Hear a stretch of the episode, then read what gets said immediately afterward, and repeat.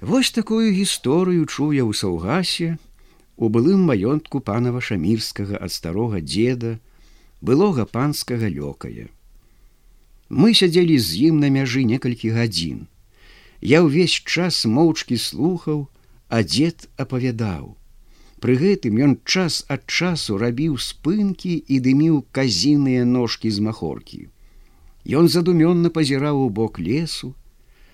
Вочы яго сядзелі глыбока пад сівымі кустамі брывей. Ага, дык дзе ж я там спыніўся? запытаўся ў мяне дзед. Пажар у маёнтку пана вашамірскага, падказаў я. Але, але Чым гэта скончылася? Нецярпліва запытаўся я. Як усе мужыцкія мецяжы. Праз некалькі дзён з'явіўся цэлы полк лютага войска. Ну,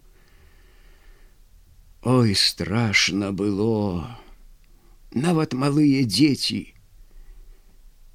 І тыя не засталіся. Дед махнуў рукою, усіх, усіх знішчылі.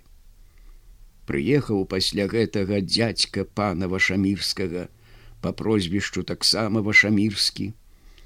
Перасяліў сюды са сваіх вёсак новых людзей, А ў памяць загінуўшага пляменніка ён адбудаваў маёнтак і надаў яму ранейшы выгляд. Дед пацёр белой рукою лоб і зірнуў на мяне. Дык што я хацеў сказаць? запытаўся ён. Дед доўга думаў. Але успомніў, Не ўсе людзі з прыгонных пана загінулі.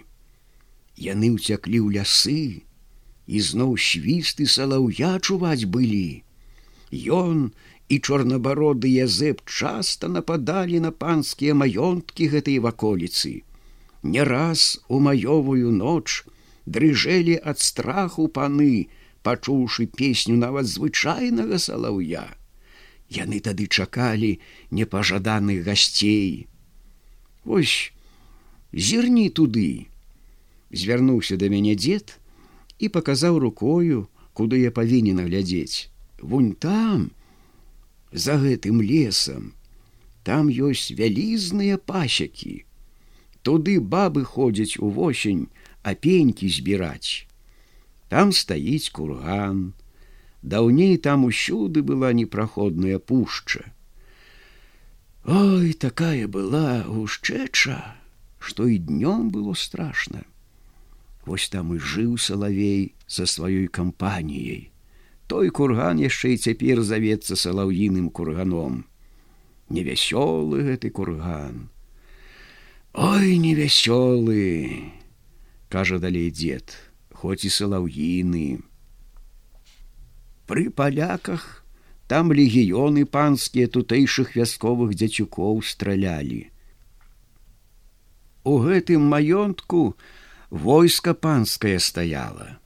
Праўда, партызаны пасля такога перцу задалі па нам, ажно горача і моташ на ім стала. Вось і некалькі вёсак знішчылі паны пры ўцёках ад бальшавікоў. Цяперашнія паны, не лепшыя за даўнейшых трэба сказаць. Вось анегды прыбег сюды з таго боку адзін дзяцюк так ён гаварыў такія штукі ад якіх валасы дуба становіцца і дзед расказаў мне адзін з тысячаў жудасных фактаў катавання у панскіх турмах нявінных людзей Ад густога парку цягнуўся па полі доўгі цень, адпала гарачыня летняга дня. Нібы косці шкілета тырчалі з пяску на дарожцы вакол вялізнага запушчанага кветніка, абломкі каменных і львінных лап. Калісьці львы нема і горда паглядалі ўдаль з высокага ганка панскіх палацаў. Мінск 1926 1927 год